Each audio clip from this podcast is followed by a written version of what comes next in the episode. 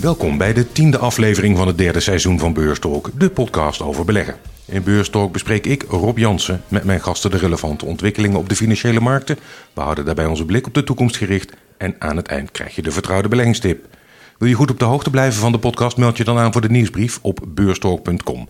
En mijn gasten in deze tiende aflevering van het derde seizoen zijn Stan Westerterp van Bond Capital Partners en Edin Mujagic van OHV Vermogensbeheer. Welkom. Als altijd trappen we af met het sentiment van de AEX. En als je kijkt naar de stand vergeleken met een week geleden, 1,3% nog altijd in de plus. Nee, 1,9 procent. Hoger dan een week geleden. Ook al is het een slechte dag vandaag. Vorige week sloot de AEX stand op 630 punten.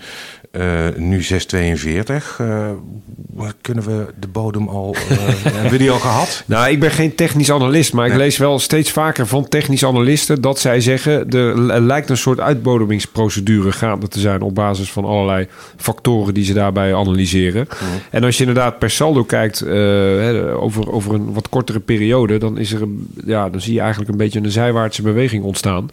Dus het zou zomaar kunnen zijn dat we uh, veel van de ellende ingeprijsd hebben in de financiële markten. Maar goed, dat is ook afhankelijk van uh, hoe de rente natuurlijk en de inflatie zich verder gaat ontwikkelen. Ja, want mijn volgende vraag zou zijn inderdaad komende weken, komende maanden. Zou het misschien wel zijwaarts kunnen zijn?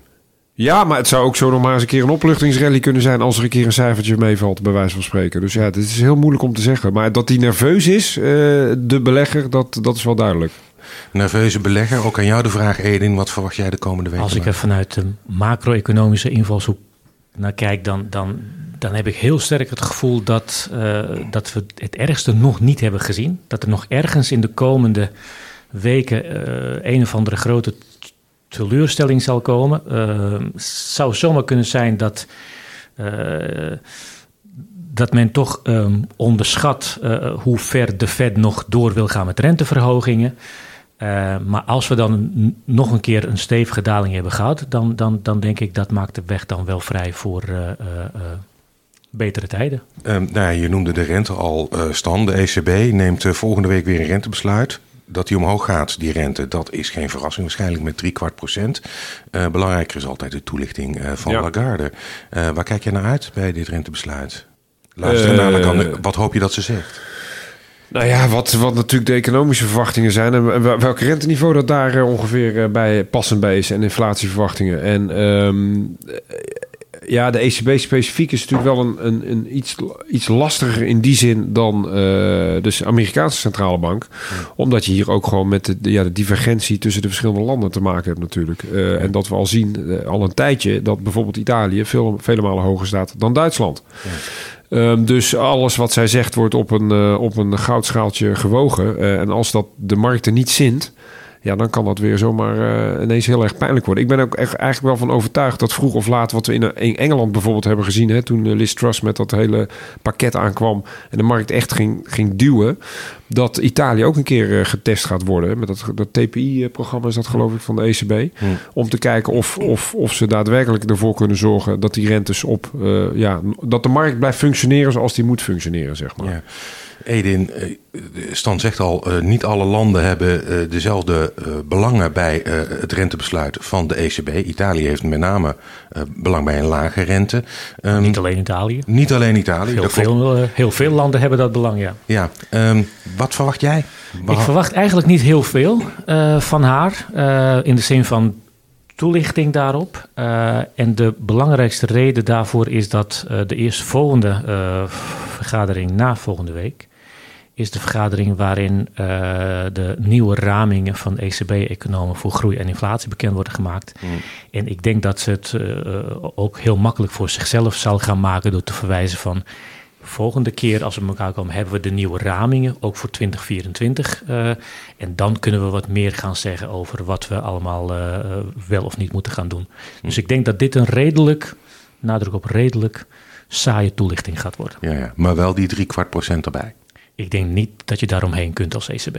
Nou ja, eh, niet omheen kunt. Eh, er is altijd nog het debat van, ja, helpt het nou wel zoveel? Hè? De rente verhogen tegen nou ja, Je weet in ieder geval dat het niet helpt um, als je niks doet. Uh, want dan, dan, dan, dan laat je aan die markt eigenlijk weten van... Uh, wij zijn niet van plan om actie te ondernemen.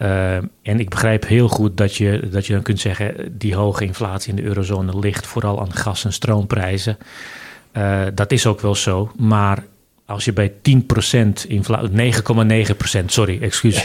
Als je bij 9,9% inflatie in de eurozone heel weinig zou doen, dan komt dat niet ten goede van, uh, aan de geloofwaardigheid van de bank zelf. En bovendien, kijk, je kunt wel zeggen, een groot deel van dat inflatiecijfer komt uit de uh, energiehoek. Uh, maar zolang jij als ECB te weinig zou doen, betekent dat dat de kans groot is dat de waarde van de euro nog verder daalt en dat de olie uh, die je invoert nog duurder gaat worden in euro. Dus door, door niet veel te doen of veel te weinig te doen, kun je ook zeggen, jaag je de inflatie nog verder op via die hoek. Dus de ECB heeft geen andere mogelijkheid dan inderdaad de rente stevig te gaan verhogen hmm. volgende week. Ik zie jou instemmend knikken. Ja, met, met, met pijn in mijn hart, maar het is niet anders. Het zal moeten. Nout Wellink, eh, de vorige baas van de Nederlandse Bank, die denkt dat de inflatie nog jarenlang hoog zal blijven. Hoe terecht is die vrees, denk jij dan? Uh, um, ja, nou ja, kijk, daar, raakt hij wel een gevoelige snaar natuurlijk. Uh, ik bedoel, als we kijken wat er in de jaren 70 van de vorige eeuw is gebeurd, dat staat vele mensen nog vers in het geheugen. zeker ja, centrale bankiers dan is die kans vrij groot. En het begint inderdaad altijd met een energieschok, zeg maar, in de markt. Um, en vandaar ook dat er eh, ook diezelfde centrale bankiers er alles aan gelegen is om, om, om de geest weer in de fles uh, te krijgen. De kans is er. Ik vind het heel moeilijk om daar, een, om daar een voorspelling op te doen. Want we dachten in het begin allemaal, hè, vorig jaar deze tijd, die inflatie, oh, dat zal van tijdelijke aard zijn. Nou, dat is allemaal niet gebleken, uiteraard. Uh, om dan nu meteen die lijn door te trekken van het blijft nog jarenlang hoog. Dat vind ik ook lastig. Want je ziet ook wel weer dat sommige prijzen, zeker energieprijzen, uh, alweer aardig aan het dalen zijn.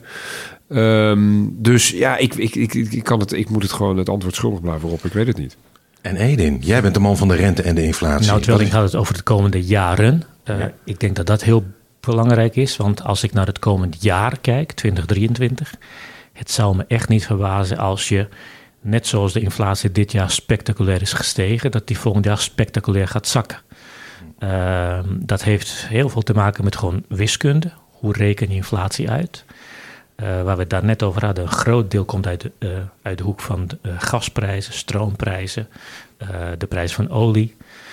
Ehm, die vergelijking eerder dit jaar pakt natuurlijk heel slecht uit, want je vergeleek de niveaus met veel lagere niveaus jaar geleden.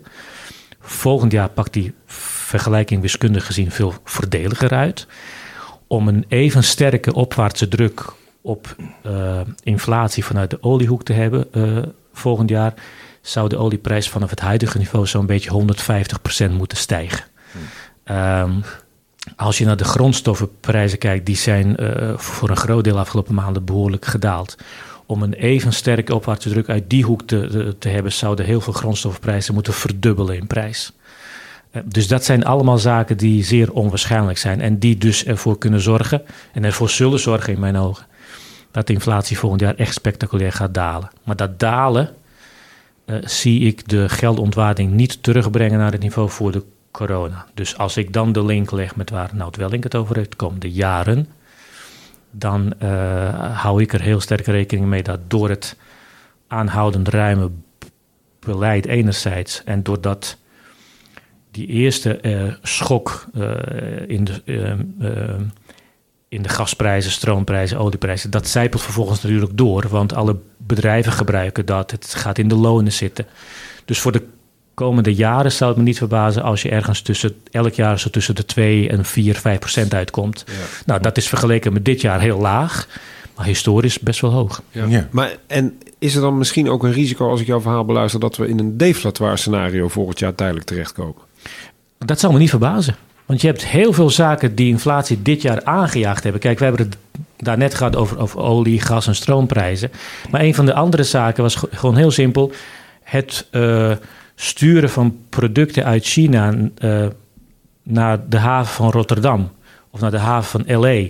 Dat kostte voor de corona 11, 1200 dollar. Ja. Is opgelopen naar 15.000 dollar is inmiddels gedaald naar 2500 dollar. Ja. Weet je, dat soort dingen, net zoals ze uh, in loop van dit jaar langzaam maar zeker inflatie aangejaagd hebben, gaan ze volgend jaar inflatie omlaag uh, drukken. Nou, als je al die dingen tegelijkertijd dan hebt, dan zou het me niet verbazen als je uh, in loop van volgend jaar, hoe ongeloofwaardig het ook nu mag overkomen, dat je dan een paar maanden meemaakt waarin de inflatie dreigt onder de nul uit te komen. En dan, dan ga ik nog even een keer op jouw stoel zitten, Rob. Ja, prima. Hoe gaan centrale banken daar dan op reageren? Um, ik denk dat ze zodra je een paar maanden van dalende inflatie krijgt, dan gaan de deuren open voor de centrale banken om in ieder geval te zeggen: de renteverhogingen die we voor uh, ons hadden, die hoeven niet. Uh, zeker in het geval van de Fed zul je ook het argument hebben: we zijn al ruim een jaar aan het verhogen. Misschien is dit een moment om te gaan kijken hoe werkt dat allemaal door uh, in de economie. Laten we niet vergeten waar we straks, denk ik, nog heel even over gaan hebben. Tegen die tijd zit je ook met een recessie waarschijnlijk. Dus ook niet, al, niet een omgeving om door te gaan met renteverhogingen. Ehm, dus ik denk dat, dat de kans groot is dat de Fed, met name de Fed, de rente volgend jaar niet zoveel gaat verhogen als dat de markt nu denkt. Die hoge rente die we, waar we nu mee te maken hebben, ook de marktrente, de langere rente, loopt flink op stand. Werkt natuurlijk wel door in alle vezels van de economie. Absoluut, hè? ja. Wellink vreest voor de huizenmarkt. Edin heeft het over hè, later, uh, verder in de toekomst, een recessie. Hoe zie jij dat? Nou, kijk, die recessie, dat, dat lijkt me vrij evident dat we daarop afstevenen. Zeker in Europa. Uh, de vraag is hoe, hoe lang en hoe diep gaat die uh, natuurlijk worden. Uh, maar ja, je ziet aan alle kanten natuurlijk al in allerlei sectoren dat, dat de vraag begint, zich aan begint te passen, zeg maar. en dat, dat dingen eigenlijk stil beginnen te vallen. Ehm, dus dat lijkt mij vrij duidelijk dat die er gaat komen. En jouw tweede vraag was over de... Nou de huizenmarkt. Ja, de huizenmarkt. In Nederland specifiek ben ik niet zo bang voor een enorm hard dalende huizenmarkt. Uh, tuurlijk, er zal een afkoeling zijn. Zeker in het hogere segment. Hè, waar echt gekke prijzen betaald worden, zeg maar. Uh, miljoen plus huizen, zeg maar. Maar uh, kijk, het, het, we hebben gewoon een woningtekort in Nederland. Uh, dus als je het kan betalen, dan zullen de huizen nog steeds verkocht worden. Het is natuurlijk anders rekenen met een hypotheekrente van 4% dan van 1%, absoluut. Maar ik denk niet dat wij zeg maar een, een, een huizenmarktcorrectie krijgen als na de financiële crisis. Dat, dat geloof ik niet. En dat heeft puur te maken met de, uh, hoe, hoe de markt gestructureerd is. Wat denk jij, Edin? Ik kan me dat heel goed voorstellen, maar um, ik vond iets anders heel uh, opmerkelijk. We hebben laatst uh, van het Centraal Bureau voor de Statistiek gehoord dat we uh, in Nederland in augustus dat de consumentenbestedingen zijn gestegen. En, en, en behoorlijk ook. Dus als je dat zo leest, denk je, nou, dat is in die zee van, van negatieve economische berichten, is dat in ieder geval goed. Maar dan ga je lezen. En dan zie je dat we vooral in augustus meer uitgegeven hebben aan even naar de bioscoop gaan, uh, even naar een restaurant gaan. Uh, maar de zaken waar de economie het echt van moet hebben, langdurig, namelijk nieuw bankstel kopen, kleding kopen, duurzame goederen, wat in de wereld van de statistiek betekent goederen die langer meegaan, ja, daar gaven we fors minder aan uit. En over het algemeen is dat een goede maatstaf voor wat de economie in de komende maanden gaat doen. Dus dat belooft niet veel goeds. En ik denk inderdaad, wat jij zegt, Stan, je kunt je eigenlijk geen scenario voorstellen waarin je een recessie weet te ontlopen. Hmm. En wat mijn volgende vraag zou zijn: uh, probeer een positief scenario te denken. Een roze bril. Is er een positief scenario? Oh, zeker. Want hè, als het dan zo, uh, de arbeidsmarkt koelt iets af, maar is nog steeds heel sterk. Nee, de steunmaatregelen van de overheden. Nee, maar kijk, als je, als je inderdaad um, ervan uitgaat dat de inflatie volgend jaar spectaculair gaat zakken, om de redenen die we hiervoor hebben genoemd. En je kijkt naar een aantal ontwikkelingen eerder dit jaar, uh, namelijk um, toch een behoorlijk aantal CAO-afspraken die tot hogere loonstijgingen hebben uh, geleid, uh, omdat de inflatie dit jaar hoog is. Dat zijn allemaal loonstijgingen die geëffectueerd gaan worden per 1 januari volgend jaar of later. Dus dan zou je zomaar volgend jaar een situatie kunnen hebben waarin de loonstijgingen hoger uitpakken dan de inflatie voor een uh, behoorlijke groep mensen. Nou, als ik vervolgens kijk naar iets anders wat het CB ons, CBS ons eerder deze week heeft laten weten, namelijk dat de stemming in Nederland ontzettend somber blijft. Ja, dat, dat is uh, ook niet vreemd als je je loon met 3% ziet stijgen en de inflatie 17% bedraagt. Hmm. Maar als dat volgend jaar andersom wordt, dan zou het zomaar kunnen dat die stemming verbetert. Dat mensen de toekomst veel beter in gaan zien. Kijk, nu hou je rekening met recessie. Volgend jaar is die recessie een feit. En wat er daarna komt is per definitie economisch herstel. Dus het zou me echt niet verbazen als in de loop van volgend jaar... en dan eerder richting de zomer en daarna dat je in een veel aangenamere economische omgeving gaat komen dan wat we nu hebben. Ja, dus uh, met jouw uh, roze bril op kijk je dus verder naar de toekomst en niet naar de situatie nu. Even kort samengevat. Dat moet je altijd doen. Ja. Hoe zie jij dat staan? Nou ja, roze bril. Uh, Eden schetst net al het plaatje dat er wellicht deflatie aan zit te komen volgend jaar. Of in ieder geval een stuk lagere inflatie. Ja, als we naar de beurs kijken, dat is natuurlijk goed nieuws voor, uh, voor aandelen. En voor inderdaad in ieder geval het verkrappen, het stopzetten van het verder verkrappen van het beleid van de centrale banken. En daar komt bij, vind ik zelf altijd, dat een recessie heeft ook een enorme zuiverende werking. Hè, om de excessen uit de economie die we echt wel gezien hebben de afgelopen jaren. Huizenprijzen, personeelstekort, dat soort zaken. Om die wat te temperen, zeg maar.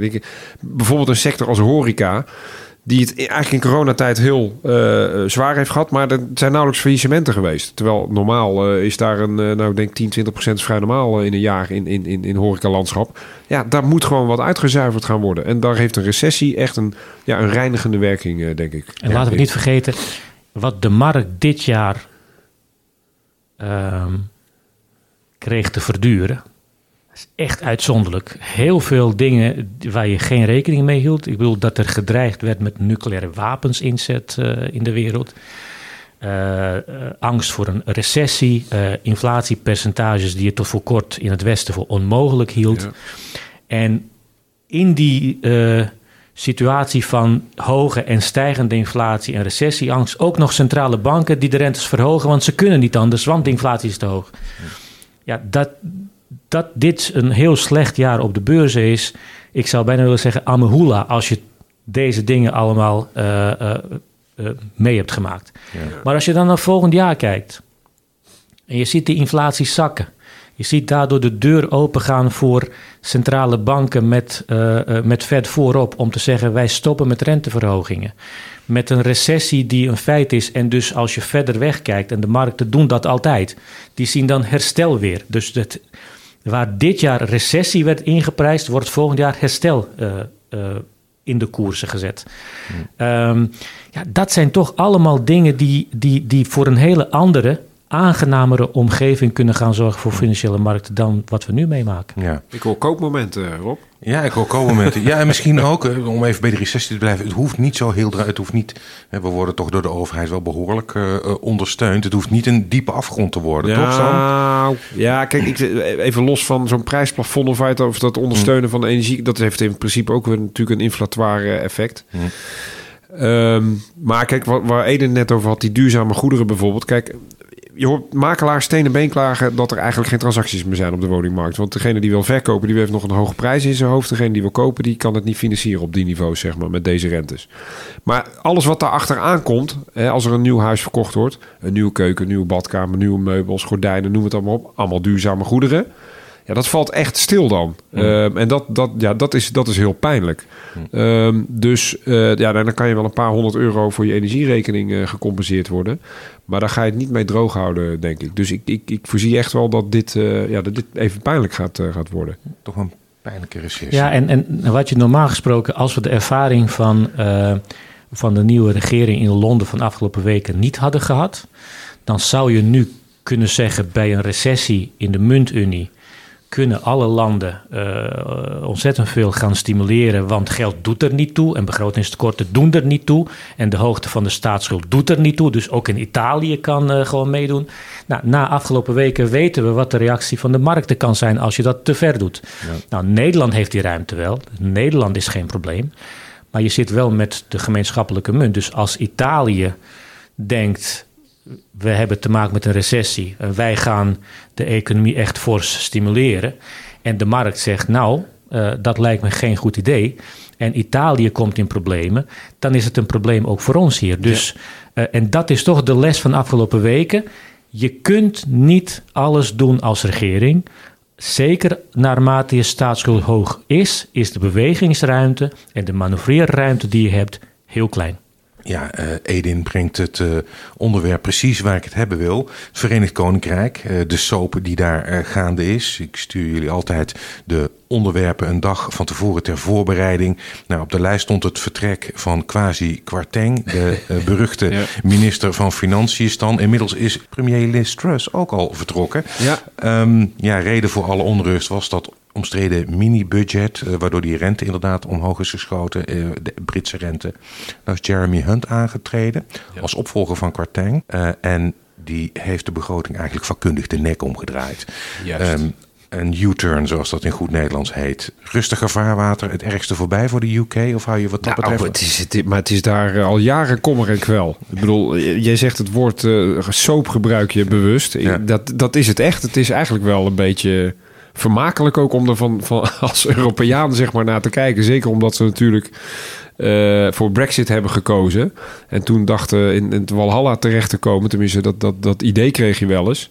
Nou ja, het is, het, dit is geloof ik de, de, de, de, hoeveelste premier binnen, binnen... Nou ja, er komt binnenkort een, een nieuwe premier. En dan heb, ja. je er, heb je er drie in een paar maanden tijd. Ja, nou, dat is natuurlijk eigenlijk echt bizar. Um, en, en daarmee lijkt het land ook af en toe wel stuurloos. Uh, en wat ik wel, en, en daar ben ik het wel helemaal mee eens. Wat, ik, uh, wat, wat je wel ziet gebeuren is dat de, de financiële markten zijn...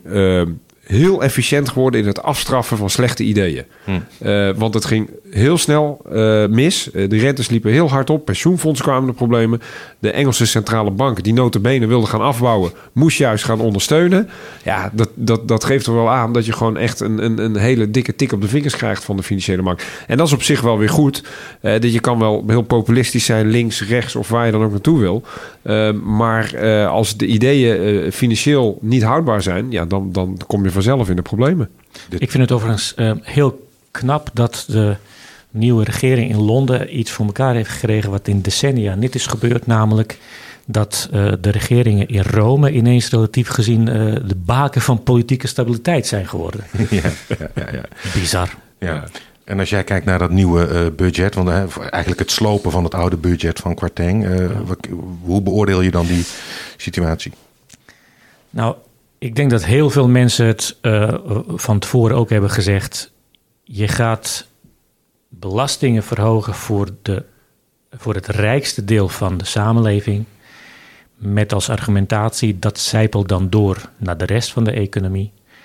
Er zijn de afgelopen 40, 50 jaar minstens 22 landen geweest waarin dat geprobeerd is.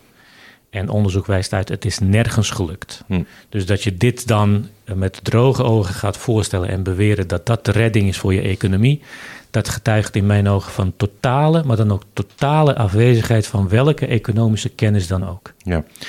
Dus er was geen andere optie dan dit van tafel te halen, hebben ze ook gedaan. Is het probleem hiermee opgelost? Ik denk het niet. Uh, want die financiële markt kan nu niet meer uh, uh, erop vertrouwen dat er niet in de toekomst weer eens iemand komt met, laat ik zo zeggen, idiote plannen. Hmm. En bovendien heb ik steeds meer het gevoel dat er uh, niet zozeer sprake is van um, wantrouwen of verlies van vertrouwen in mensen daar, maar in de politiek als geheel. Dus je vraagt je echt af, als je zometeen een nieuwe uh, premier daar krijgt, die dan weer gekozen zal worden door een hele kleine groep uh, uh, van één politieke partij. Of dat ineens ertoe zal leiden dat, uh, dat men in het land en op financiële markten daar denkt: oké, okay, nu zijn alle problemen van de afgelopen weken opgelost en we gaan gewoon door. Geloof ik niks van. En de naam van Boris Johnson zingt weer rond. Ja, ja, ja, ja maar hij zit in de Caribbean nog, zag ik. Dus hij moet, uh, moet terugkomen van vakantie. Ja, ja. Wat natuurlijk wel nog één kleine opmerking ja. erover. Natuurlijk wel echt doodeng is om te zien hoe snel die financiële markten inderdaad kunnen afstraffen. Want het ja. was echt die LDI's ja. hè, van die pensioenfondsen, waardoor ze die verplichtingen, uh, ze moesten onderpand eigenlijk verkopen om aan de verplichtingen te voldoen. Terwijl hetzelfde onderpand ervoor zorgde dat juist die rentes, hè, dat verkopen van die rentes gingen, verder gingen stijgen. Ja, dan kom je in een enorme neerwaartse spiraal terecht. Ja. Waardoor je echt alleen als centrale bank nog maar kan ingrijpen. Want als je dat loslaat, dan is het hele, hele land binnen, binnen een week naar de Filistijnen. Ja. Dat is wel eng natuurlijk. En dat is wat ik bedoel met hè, als je bij Italië weer getest gaat worden, dat soort zaken. Dan kun je op een gegeven moment als centrale bank niet anders dan toch weer uh, terug in die markt stappen. Ja. Hoe vervelend je dat ook vindt. We gaan naar obligaties, Stan. Ja. Want uh, sinds een aantal weken wordt er in deze podcast door mijn gasten wat positiever gesproken over obligaties als beleggingscategorie. Geldt het ook voor jou? Ja, zeker. Maar dat, ja, dat is een no-brainer eigenlijk. Als je ziet waar je de afgelopen jaren op hebt gezeten... dat je eh, tien jaar Duits staatspapier op, eh, wat is het, een negatieve rente daarvoor kreeg. Dus eigenlijk geen compensatie voor het risico dat je neemt. Alhoewel ik niet denk dat Duitsland failliet gaat. Maar, eh, en dat dat nu alweer ruim boven de 2 is. Nederland kruipt richting de 3% Dat zijn wel weer ehm, ja, rendementen die we, die we, die we, die we, die we zeg maar vroeger gewend waren. Ehm, en zeker als je kijkt naar de wat meer uh, de zogenaamde high yields, hè, de, de, de, non-credits. Ehm, daar zitten ook echt alweer interessante rendementen in. Waarbij ook de, de, de, de, de, de, de, de default, zeg maar, de verwachtingen daarvan zo hoog zijn ingeprijsd. Dat het zelfs best wel weer interessant wordt om daar naar te kijken. Omdat de, de kans, denk ik, dat, dat echt zoveel defaults zullen komen niet zo groot is. Hmm. Ehm, ook omdat we uh, ja, toch wel hebben geleerd van de financiële crisis. In die zin dat bedrijven vaak wat minder scherp aan de wind varen dan uh, eh, 15 jaar geleden, zeg maar.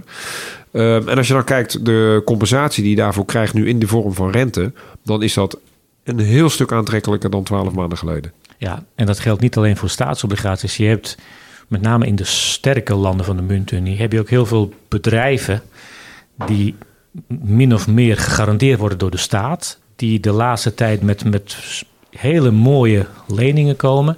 Met looptijden van 12 maanden, 18 maanden.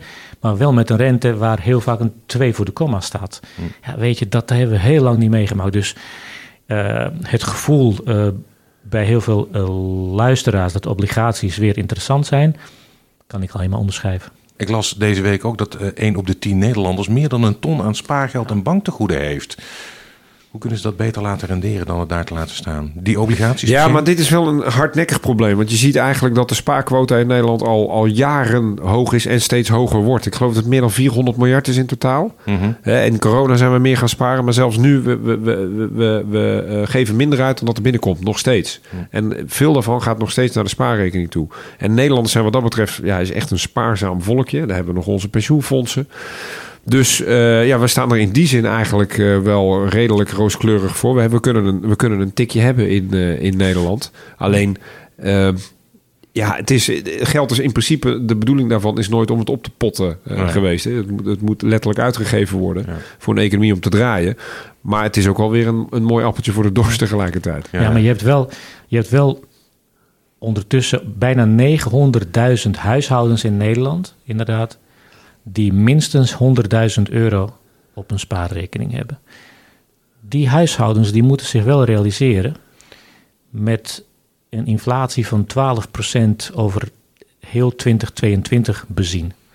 En laten we, zeggen dat, laten we aannemen dat de inflatie volgend jaar halveert. Dus je gaat naar 5, 6% Dat betekent dat dat eind volgend jaar is 1 vijfde, is 20, is 20.000 euro op elke 100.000 euro weg. Je ziet het niet op je rekening, maar de koopkracht is wel voor een vijfde weg. En dan kom je in een hele rare situatie dat je nu, ik refereerde daarnet aan de cijfers van de CBS, wij stellen aankopen van een nieuwe keuken, een nieuwe badkamer uit, want onzekerheid.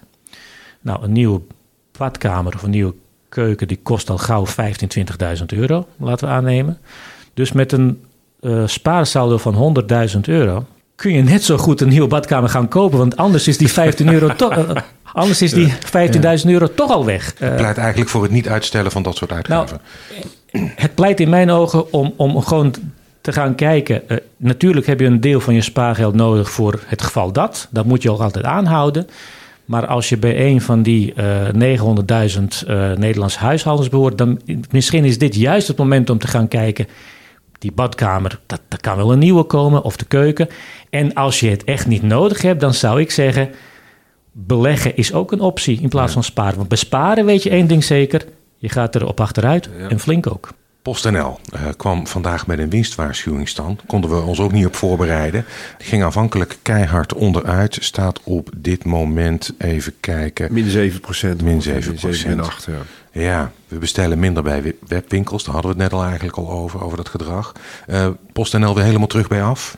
Ja. Het hele coronafeest over. Ja, ja, als je naar de koers kijkt, dan komt het daar inderdaad wel op neer.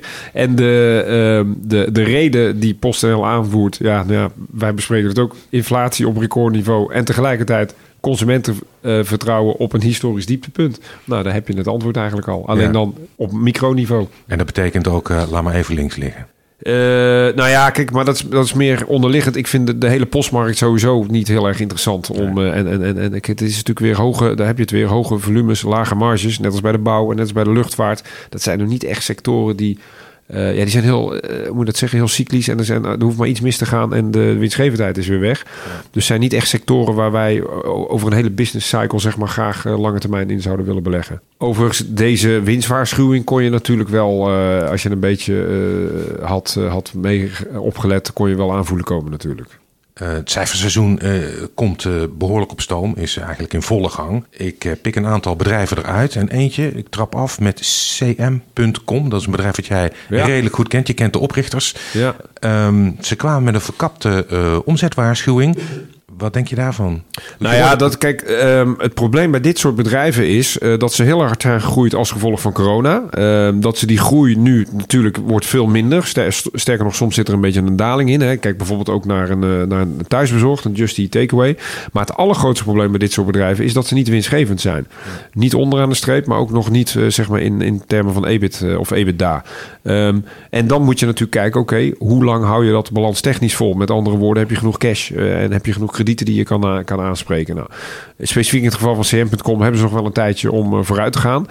Maar als je al geen winst maakt um, en uh, je eigenlijk is de, je aandelenkoers is een resultaat van het contantwaarde van de toekomstige cashflows, zeg maar. Um, en die rente die gaat omhoog. Ja, dan zie je dat dit soort aandelen echt extreem hard geraakt worden.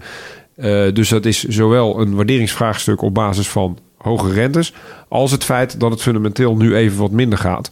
Um, en je kan je afvragen, ja, hoe lang gaat het dan duren voordat dit soort bedrijven winstgevend worden? Want dat is uiteindelijk uh, het, uh, nu van belang voor beleggers. Terwijl dat vorig jaar deze tijd was het veel meer van, joh, hoe lang kan je door blijven groeien totdat je de hele markt domineert? En dan is winstgevendheid komt op het tweede pad. Dat is nu echt duidelijk anders. Je noemde net al Just Eat Takeaway. Die zijn dus ook gekomen. Die hadden het wel uh, volgens mij over ja, EBITDA positief. Operationeel, ja. ja. ja, ja, ja, ja. Uh, ben je daar dan ook wat positiever over nu? Of? Nou, kijk, het, uh, oeh, dat is ook weer zo'n vechtersmarkt. Hè? goed nieuws wel dat denk ik een grote concurrent Deliveroo inderdaad het beltje wanneer gooit in Nederland en weggaat. Dat zie je wel vaker in landen. Dat ze komen en ze gaan, zeg maar. Ze, ze proberen het en dan blijkt het toch dat, het, ja, dat er eigenlijk vaak maar ruimte is voor één of twee echt grote spelers.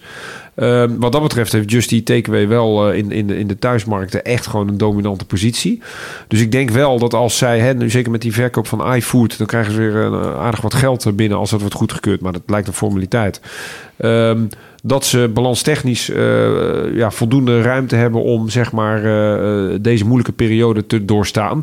Maar het is natuurlijk ook een. Um, een nieuw fenomeen in die zin. Uh, een nieuwe manier van consumeren. Je kan thuis koken, je kan uit eten gaan, maar je kan het ook thuis laten brengen. Je hebt natuurlijk ook nog de maaltijdboxen die daar tegenwoordig bij horen. Dus de vraag is meer een beetje hoe gaat de hele markt zich bewegen en wat, wat, wat, wat, wat wordt het gedrag van mensen in de toekomst? Uh, en dat vind ik lastig om, om te voorspellen. Maar dat Just die Takeaway goed gepositioneerd is voor echt gewoon uh, thuisbezorging, al in dominante positie, met name in Europa. Ja, dat is duidelijk. Alleen de winstgevendheid, hè, ze, ze mikken op 5% marge over de lange termijn. Nou, dat, daar zijn ze nog heel ver van verwijderd. Als we kijken naar Axel Nobel, blijf ik ook nog even in de hoek waar het niet zo lekker gaat. um, Fijn. Als je... Ja, nou ja, kijk, ze, zijn, ze komen met cijfers en ik kan me voorstellen dat de luisteraar toch wel benieuwd is naar je oordeel. Ze hadden al een winstwaarschuwing afgegeven, boekt minder winst, gooit nu ook de doelstellingen voor volgend jaar overboord. Ja. Um, is dit nou zo'n bedrijf wat je met een recessie in aantocht uh, maar beter even kunt laten liggen. Nou, dat hebben aandeelhouders duidelijk al gedaan. Hè? Maar dat geldt voor, voor andere sectoren ook. Maar ook hier is mm. natuurlijk een aardige afstraffing heeft er al plaatsgevonden. En inderdaad, als er geen huizen verkocht worden... dan worden er ook geen blikken verf uh, meestal niet verkocht. Mm. Um, uh, maar dat geldt ook voor andere, voor andere duurzame goederen. Um, en in, specifiek in het geval van Axel Nobel, ja, inderdaad, ook dit voelde je wel aankomen natuurlijk. Dat als het zo slecht gaat, uh, dat je de, de winstdoelstelling voor 2023, ik geloof dat het 2 miljard uh, EBITDA zou moeten zijn. dat je die los gaat laten. En wat dan hier nog wel extra pijnlijk is, is dat ze zeggen: ja, we gaan eigenlijk pas bij de bekendmaking van de jaarcijfers, lees ergens in uh, februari volgend jaar, gaan we bekendmaken wat we dan wel verwachten voor 2023. Met andere woorden, tot die tijd is het gissen wat ze zelf verwachten. En wat nog wel opvallend was, ze wisten, waren wel goed in de prijzen uh, te verhogen, maar de volumes die, die namen ontzettend af. Je ziet heel veel voorraad afbouwen bij hun, bij hun afnemers, ja. die gewoon eerst ja, de, de, de, de huidige voorraad zeg maar proberen weg te werken voordat ze weer nieuwe spullen gaan bestellen. Dus misschien nog niet lastig. Het, misschien nog niet het moment om uh, het aandeel op te pikken. En laten we niet vergeten, uh, al deze bedrijven en um, eigenlijk alle sectoren hebben daarmee te maken. Die komen uit een omgeving waarin de economie nog steeds aan het groeien was. Dus waarin de bestedingen groeiden. En waarin die hoge kosten waar we het steeds over hebben, uh, wel de headlines domineerden. Maar veel bedrijven hebben daar nog niet zozeer mee te maken gehad. Dat gaat pas komen. Die lonenstijging waar we daar net over hadden, die moeten nog komen. Heel veel leveringen van grondstoffen is, zijn al, hebben al eerder plaatsgevonden. Dus de nieuwe prijzen, daar krijgen ze mee te maken als er nieuwe contracten afgesloten moeten worden. Heel vaak zal het volgend jaar zijn. Dus je gaat van een omgeving waarin de vraag in principe groeide. En waarin je weinig tot, nou geen is te, te veel, maar weinig last had van die hogere kosten ga je nu naar een omgeving waarin die vraag niet meewerkt. Een recessie houdt in dat we minder kopen. En waarin steeds meer kosten met, met een vertraging uh, van invloed gaan worden. Hmm. En dat is iets heel anders. Dus de winstcijfers die goed, redelijk goed uitpakken. Dat, daar hebben we het hier uh, eerder ook over gehad, maar je moet het blijven herhalen. Het is wat je als belegger ziet in de achteruitkijkspiegel. Ja. het gaat erom wat je zich door de door je voorrijdt. En dat is uh, voor heel veel bedrijven toch minder gunstig dan, uh, wat we, uh, dan de maanden die we achter ons hebben gelaten. Voor bedrijven waar het misschien wat gunstiger gaat, denk ik aan ASML. Zeker. Was je tevreden over de cijfers? Ja, dan? tuurlijk. Hoe kan je daar niet tevreden over zijn? dat is toch fantastisch? Ja. Als, je, als je sec naar ASML zou kijken, dan, dan, dan, dan denk je... welke recessie we hebben het over? Ik bedoel, ja. dat, is, ja, maar dat, dat geeft wel aan dat ASML echt op, op eenzame hoogte staat wat dat betreft. Ja. Um, omdat de technologie die zij hebben en de producten die zij leveren aan hun klanten. Uh, daar zijn ze uniek in in de wereld. En ja. uh, iedereen uh, heeft het nodig in, in de zoektocht naar steeds snellere en kleinere chips. Um, en ja, dat is normaal ook wel echt een cyclische markt. Um, maar je ziet dat dit, deze technologie is zoveel gevraagd. met het idee dat de consument uiteindelijk toch ook weer gewoon nieuwe mobieltjes wil hebben. En nieuwe laptops en auto's en noem het allemaal maar op. Ja, dat het daarop vooruitlopend de grote chipbedrijven toch hun machines bij ASML blijven bestellen. Ook het orderboek was weer gewoon goed gevuld. De omzet kwam hoger uit. De marges zijn fantastisch. Ja, het is echt... kan niet stuk. Nou ja, eigenlijk als je dan en dan maar de koers kijkt, ja, die is fors dat, afgekomen. Nou, dat is eigenlijk mijn vraag. Ja. Maar dat is eigenlijk het waarderingsvraagstuk waar we het eerder al over hadden. Kijk, bij, bij ASML, uh, anders dan bij die andere bedrijven waar we het net over hadden, is niet het probleem winstgevendheid. Is niet het probleem een slechte balans. Uh, is überhaupt eigenlijk, ja, zijn er niet zoveel problemen. Nee. Uh, met name kansen. Maar het probleem voor het aandeel is dat als de rentes oplopen, dat je gewoon je, ja, je verdisconteringsvoet wordt groter. Dus je huidige waarde wordt lager. En dan ga je gewoon mee in, uh, in, in, in de ellende, om het zo maar te zeggen. Ja. Dus je hebt echt gewoon last van het negatieve sentiment op de beurs. Maar fundamenteel onderliggend ja, ASML een van de beste jongetjes van de klas. Ja, en er is inderdaad vaak hier de discussie. Uh, sommigen die tippen het graag. Hè, als we aan het eind van de uitzending zijn, ASML is... Ik was eigenlijk ook van plan, maar ik zal nu wel een andere uh, bedenken. Okay. nou ja, uh, want er zijn, maar een andere categorie zegt... ja, fantastisch bedrijf. Onderschrijven helemaal jouw verhaal. Maar die prijs, jongen, jongen, jongen te duur. Maar ja, misschien ook niet. Nou ja, ik ben ik het helemaal niet mee eens. Nee. Als je ziet, uh, de, ook de transparantie in wat ze verwachten. Uh, niet alleen voor de komende jaren, maar tot en met 2030, waar ze naartoe gaan. Wat de marges zijn die daarop zitten en wat er onderaan de streep overblijft. En ik kijk nu naar deze koers, dan denk ik echt dat je, als je, als je gewoon dat durft te kopen en je blijft gewoon zitten tot 2030 dan ga je veel meer uh, rendement maken dan dat je op die spaarrekening gaat, gaat krijgen. Ja. Um, we hebben het hier niet zo vaak over uh, dataleveranciers, uitgevers. Uh, Wolters Kluwer is uh, onlangs ter sprake gekomen. Relax is gekomen deze week met zijn cijfers inderdaad. Groeit boven de trend. Ja. Koers deze week per saldo nog geen procent hoger. Maar lijkt me ook een bedrijf wat gewoon erg goed draait. Ja, ja zeker. Data, hè, technologie uh, of kennis, zeg maar, uh, informatie, heel belangrijk. En Relics en Bonds Kluwer, ja, zijn eigenlijk altijd saaie bedrijven. Maar saai is vrij op dit moment uh, ja. in, in, de, in de portefeuille, zeg maar. Ja. Het feit dat het niet beweegt kan ook wel eens lekker zijn, zeg maar. maar Relics is wel zo'n... zo'n om een voorbeeld te geven, de, de Lancet komt uit de Elsevier-tak. natuurlijk wetenschappelijk platform. Hm dat heeft enorm bijgedragen aan het helpen uh, bestrijden van COVID, bijvoorbeeld. Door uh, ervoor te zorgen dat alle informatie publiekelijk beschikbaar werd. Waardoor wetenschappers vrij snel, hè, ook uh, in het kader van um, hoe heet het, de, de, de injecties, de, de, Vaccinatie. de vaccinaties, ja, vrij snel met elkaar konden communiceren. Dat wordt mede mogelijk gemaakt door een bedrijf als Relax. Nou ja, mm. fantastisch, fantastisch model. Alleen het zijn geen bedrijven die, die vaak op de voorgrond opereren. Nee. Met inderdaad gewoon groeicijfers en ook de prognose is uh, fantastisch.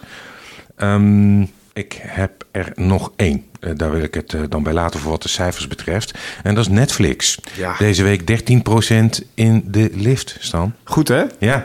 Ja, ik vond eigenlijk eerlijk gezegd die afstraffing van een half jaar geleden al een beetje overdreven. Hè? De groei was eruit. Ze verloren een paar miljoen abonnees. Ook omdat Rusland natuurlijk afgesloten werd. En volgens mij ging de koers meer dan 60% onderuit uh, destijds in totaal. Uh, en nu zie je dat het, uh, de, dus inderdaad die periode van stagnatie hebben ze achter zich gelaten. Ook omdat ze met goede content zijn gekomen. Hè. De, Dormer, Jeffrey Dormer geloof ik. De, de, de serie over de seriemoordenaar. Ehm, wordt goed ontvangen. En een paar miljoen abonnees erbij. Meer dan de markt had verwacht. En hop, dan zie je het herstel plaatsen. En het mooie aan Netflix is natuurlijk wel... het is een subscription model.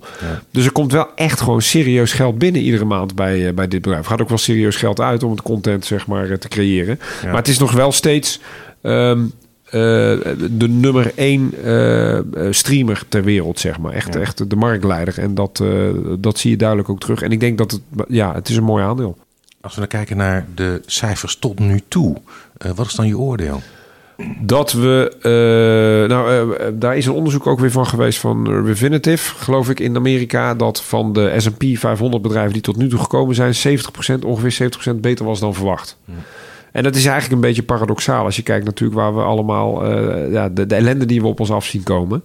Maar dat gaat over de cijfers van het afgelopen kwartaal. En daar hint Ede natuurlijk ook al even op. Economisch gaat het nog helemaal niet zo slecht. Bedrijven zijn nog in staat inflatie door te berekenen. Maar de vraag is natuurlijk, wat gaat er aankomen? De vooruitzichten die gingen wel duidelijk omlaag bij veel bedrijven. Voor we naar de luisteraarsvragen gaan, wil ik je wijzen op de Beurstalk Beleggersmiddag. Aanstaande donderdagmiddag, 27 oktober, organiseert Beurstalk in samenwerking met onze partner Van Eck en met Euronext een beleggersevenement. Dat zal plaatsvinden in de beurs, Beursplein 5 in Amsterdam. Let wel, dat is niet hetzelfde als de beurs van Berlage, die ligt ernaast. Het wordt een boeiende middag. Sprekers zijn Martijn Rozemuller van Van Eck ETF's, Edin Muzejic, hier vandaag ook te gast, en Dirk Donker van Euronext. Als je naar beurstok.com gaat en rechtsboven klikt op event, dan vind je het programma. Er zijn nog wat plaatsen beschikbaar. Tickets bestel je op tickets.beurstalk.com. En wacht niet te lang, want het gaat nu hard met de tickets. Gaan we naar de luisteraarsvragen. En de eerste gaat over ETF's, namelijk over grondstoffen-ETF's. Over de verschillen tussen onder andere iShares Diversified Commodity Swap. En de andere is de Wisdom Tree Enhanced Commodity ETF. En de eerste, die van iShares, die belegt uh, middels futures in grondstoffen. En de andere in US Treasury bills. En de vraag is, waarom belegt die laatste in T-bills terwijl het een grondstoffen-ETF is? Heb jij daar een verklaring voor? Oeh, nou ja, kijk, het enige wat... Ik ken deze producten niet zo snel uh, uit mijn hoofd. Maar het enige wat in mij opkomt is... je hebt het verschil tussen, zeg maar... physically replicated ETF's en synthetic ETF's. Ja. En die laatste, als, je, als ze beleggen in T-bills... dan kan het zo zijn dat ze dat als onderpand gebruiken... en dat ze het verschil tussen de grondstofprijzen... zeg maar garanderen vanuit de uh, aanbieder. Waardoor je de facto wel de onderliggende index volgt... maar op een andere manier dat zeg maar repliceert. Ik heb uh, geprobeerd uh, het bedrijf hierachter uh, te spreken. Ja. om te vragen hoe het. daar ben ik niet in geslaagd. Hmm. dus dan ga je nadenken van wat zou hier de reden voor kunnen zijn. En, en ik ben uiteindelijk uitgekomen op dat het een soort onderpand slash verzekering is voor de deelnemers in dat fonds. Want mocht het bedrijf achter zo'n ETF failliet gaan en uh, dan heb je als belegger daarin te maken met risico van uh, wat de prijzen van de onderliggende grondstoffen doen. En door te beleggen in Amerikaanse staatsobligaties uh, garandeer je als het ware dat je dat risico niet loopt. Uh, Dus dat is de enige logische verklaring die ik zo heb, heb kunnen vinden. Dat is dan nog een vervolgvraag. wat zijn de risico's, voordelen van het verschil in structuuropzet van beide fondsen? Dus zou je dan kiezen voor zo'n T-bill optie of voor de iShares van BlackRock die gewoon rechtstreeks in die futures. Volgens mij heeft de Nederlandse toezichthouder daar ook wel een paar keer een uitspraak over gedaan dat zij liever fully replicated hebben. Dus dat je echt de, de, producten die je zeg maar aanbiedt onderliggend ook in, in het mandje hebt zitten, in de portefeuille hebt zitten. Mm. Maar ja, daar zouden we even naar moeten kijken weer exact. Maar uiteindelijk wil je als je iets koopt, wil je ja. ook dat mandje onderliggend hebben, lijkt me. Dus lijkt me ook. Ja. Ga je daarvoor? Ja. Een interessante vraag is ook uh, eentje over kweekvlees. Kweekvlees zit in de lift. En ik ben van mening, zegt deze luisteraar, dat uh, als dit nieuwe product aan de kwaliteitseisen voldoet en maatschappelijk geaccepteerd wordt, dit wel eens een gamechanger zou kunnen zijn. Onze carbon footprint kan drastisch naar beneden en ons klimaat profiteert ervan. Ik zou graag een gedeelte van mijn portefeuille in deze nieuwe ontwikkeling willen beleggen. Wat kunnen jouw gasten hierover vertellen? Zijn er beursgenoteerde bedrijven actief bij deze nieuwe ontwikkeling of misschien is er wel een ETF beschikbaar? Stan. Niet dat ik weet. Uh, en als ze al actief zijn, dan zijn dat de beursgenoteerde bedrijven die ook gewoon in de normale vleesindustrie zitten. Dus Ja, ja. bijvoorbeeld een Tyson Foods of zo uh, is heel groot. Ehm, maar ook even parallel met wat we gezien hebben natuurlijk met vega-vlees. Uh, noem bijvoorbeeld een Beyond Meat even. Ik geloof natuurlijk wel dat de kweekvlees uh, ook een, een, een, onderdeel kan zijn van die mix. Maar het is uh, kijk, nog steeds de, de, de, gewoon de oude wetten van de economie gelden. Je moet het produceren, je moet het distribueren, je moet het vermarkten. Dat wil niet zeggen dat meteen uh, daardoor ook vele hogere marges bijvoorbeeld op kweekvlees gemaakt kunnen worden. Hmm. Bovendien is het echt een, een sector die in ontwikkeling is. En ik zou dan als belegger toch graag even wat meer uh, proof of evidence uh, of meer bewijs uh, willen zien voordat je daar echt volledig in allokeert. Is mijn mening. Maar als je ja. denkt van joh, dit wordt het helemaal, innovatie, dan, ja, dan, dan zou je daarvoor kunnen gaan. Ik ken uit mijn hoofd zo even geen partij die echt beursgenoteerd is en alleen met kweekvlees bezig is. De volgende vraag is: Het kabinet heeft aangekondigd om de vermogensbelasting in box 3 aan te passen, waarbij ze gaan belasten op basis van werkelijk rendement. Conceptueel ben ik het hier volledig mee eens. En dan geeft hij een heel rekenvoorbeeld over uh, hoe dat uh, in zijn werk gaat. Het kabinet uh, slaat volgens deze luisteraar echter wel de plank mis. Want ze gaan uit van een rendement van 5,53% op aandelen per jaar. En dat wordt dan belast voor 31 tot 34% in de komende jaren. Het is volgens mij alom bekend dat particulieren bijna nooit de index verslaan. Een rendement van 5,53% is voor velen een utopie. Effectief gezien lever je dus 1,7% in aan de Belastingdienst. Ook in de jaren dat je minder rendement of verlies maakt. Is het voor een particulier nog wel aantrekkelijk om te beleggen? Nou, ik vind van wel. Ja. Uh, een, een van de belangrijkste redenen waarom je als particulier uh, heel vaak daarin slaagt om de index niet te volgen, is dat je handelt op basis van uh, emotie. Hm. En dat is wat, wat, wat een professionele partij altijd aangeeft. Emotie moet je uitschakelen. En dat is veel makkelijker te doen als een uh, bedrijf dat dat doet, dan dat je het zelf doet. Want uh, uiteindelijk ben je zelf bezig met aan- en verkopen. En uitschakelen van emotie is heel lastig. En dat is de les van alle tijden. Dus dat is ook, ook de reden dat heel veel particulieren op het hoogtepunt kopen en op dieptepunt gaan verkopen. Hm. Dat is één. En twee, uh, meer in het algemeen geldt. Kijk, de laatste vraag van deze luisteraar is: is het voor de particulier nog wel aantrekkelijk uh, uh, om te beleggen? dan moet je eigenlijk een vraag achteraan zetten: wat is je alternatief? Hmm. En je alternatief is sparen. En we hebben er daar net met een rekenvoorbeeld laten zien dat als je kiest voor het alternatief op beleggen, namelijk sparen, dat je uh, uh, één ding zeker weet, dat is gegarandeerd verlies de komende jaren, in, uh, zeker in reële termen. Beleggen betekent een kans op verlies en een kans op winst, zoals altijd. En van beleggen weten we ook, naarmate je langer in de game blijft, neemt de kans dat je uiteindelijk afsluit met een verlies behoorlijk af. dat geldt nog steeds. En ik denk dat je die overweging ook mee moet nemen. In plaats van alleen de vraag stellen: moet ik nog beleggen? Stel je ook de vraag: wat is het alternatief? En dan pas kun je een volledig antwoord daarop geven, denk ik. Hm. Fantastische analyse. Ja, volledig mee eens. Ja, absoluut. Ik kan het niet beter verwoorden. Oké, nou, dan gaan we meteen door naar de laatste vraag, eh, Stan. Lijkt me er wel eentje voor jou. Het Amerikaans-Nederlandse organon staat nu als spin-off alweer een tijdje op de Amerikaanse beurs. Waarom wordt dit aandeel met toch een miljarden omzet zo weinig gevolgd? Het is ook spotgoedkoop met een koers-winstverhouding van ruim 5 en een dividendrendement van rond de 5% Ja, klinkt als aantrekkelijk. Ik denk dan ook wel eens aan woorden van Stan. Ja, als de KW laag is, dan is daar vaak ook wel een reden voor. Um, je haalt hem er even bij. Ja, ik pak hem er even bij, want ik moet even kijken wat hij inderdaad. Uh, ik neem aan het organon, het oude organon, wat vroeger onderdeel was van. Van, van MSD, ja. ja en Axel Nobel. Ja. Axel Nobel, ja. Um, ik, heel eerlijk gezegd, ik volg het ook niet. Um, uh, we zullen er eens naar, eh, naar gaan moeten kijken. Maar uh, ik zie wel al heel snel dat er een sprake is geweest van een aardige omzetdaling de afgelopen jaren. Hè, van 2018 nog bijna 10 miljard omzet naar nu iets meer dan 6 miljard. Dat is Oeh, vaak is... wat beleggers niet willen zien. Ik weet niet wat de redenen daarachter zijn. Het kan ook zijn dat ze een onderdeel weer afgesplitst hebben. Ja. Maar als dat het geval is, hè, dus echt forse omzetdaling. Ja, daar betalen beleggers liever geen hoge koerswinstverhoudingen voor. Want dat betekent gewoon dat je winstgevendheid in de toekomst ook minder gaat worden. Ja. Dus vandaar lage KW's. Ja, kortom, kijk even goed. Kijk even goed hoe, de, hoe de ontwikkeling naar de toekomst van dit bedrijf is. Want er is inderdaad uiteindelijk een reden waarom er een, een, een, een lage koerswinstverhouding op de borden staat. Ja, en dus ook goed moet kijken, even nog analyseren waarom die omzet zo enorm is gedaald. Ja, ja, ja. Uh, nou, je mag meteen door naar de tip, Stan. het wordt geen ASML. Nee, ik denk dan toch meer in het algemeen waar, waar uh, wat Ede net ook zegt. Eh, is er een alternatief voor het niet beleggen? Nee, dat is er niet. Op lange termijn zeker niet. Het feit dat we een aardige correctie inmiddels hebben gehad, dat er veel angst is ingeprijsd, wil niet zeggen dat het meteen volgende week beter gaat. Maar als je naar de lange termijn kijkt, het zou kunnen zijn dat de inflatiecijfers zachter worden.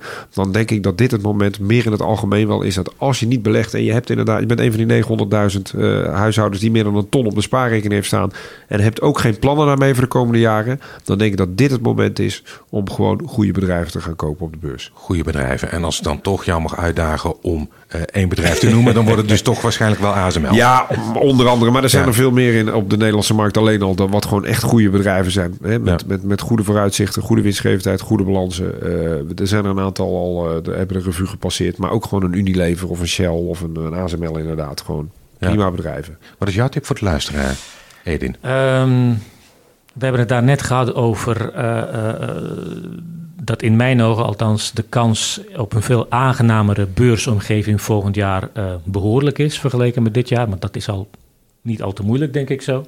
Gegeven de chaos die we dit jaar hebben meegemaakt alle denkbare gebieden. Um, ik heb gekozen voor een uh, uh, misschien wel een hele saaie ETF, maar wel uh, eentje die volgens mij heel goed past daarbij. En dat is een um, AX-ETF van, van Eck. En dat heeft als redenen die het, het, het vooruitzicht op gunstig beursjaar volgend jaar. Ehm, het feit dat uh, de Nederlandse economie een redelijk open economie is, dus die profiteert ook behoorlijk mee uh, als de rest van de wereld herstelt. En last but not least, wat in de marge ook wel interessant is, de ETF's van Van Eck die hebben de zogeheten FBI-status. Dat betekent dat de dividendlekkage voor beleggers in die ETF's niet speelt. En dat betekent toch al heel snel 0,6 procentpunt Zeker. extra rendement erbij. Ja, ja. Altijd leuk meegenomen, denk ja. ik. Dat is inderdaad dus de Van Eck AEX ETF. Ik zal de ISIN-code daarvan meenemen in de nieuwsbrief. Hartelijk dank Edin Mujagic van OHV Vermogensbeheer en Stan Westerterp van Bond Capital Partners. Dit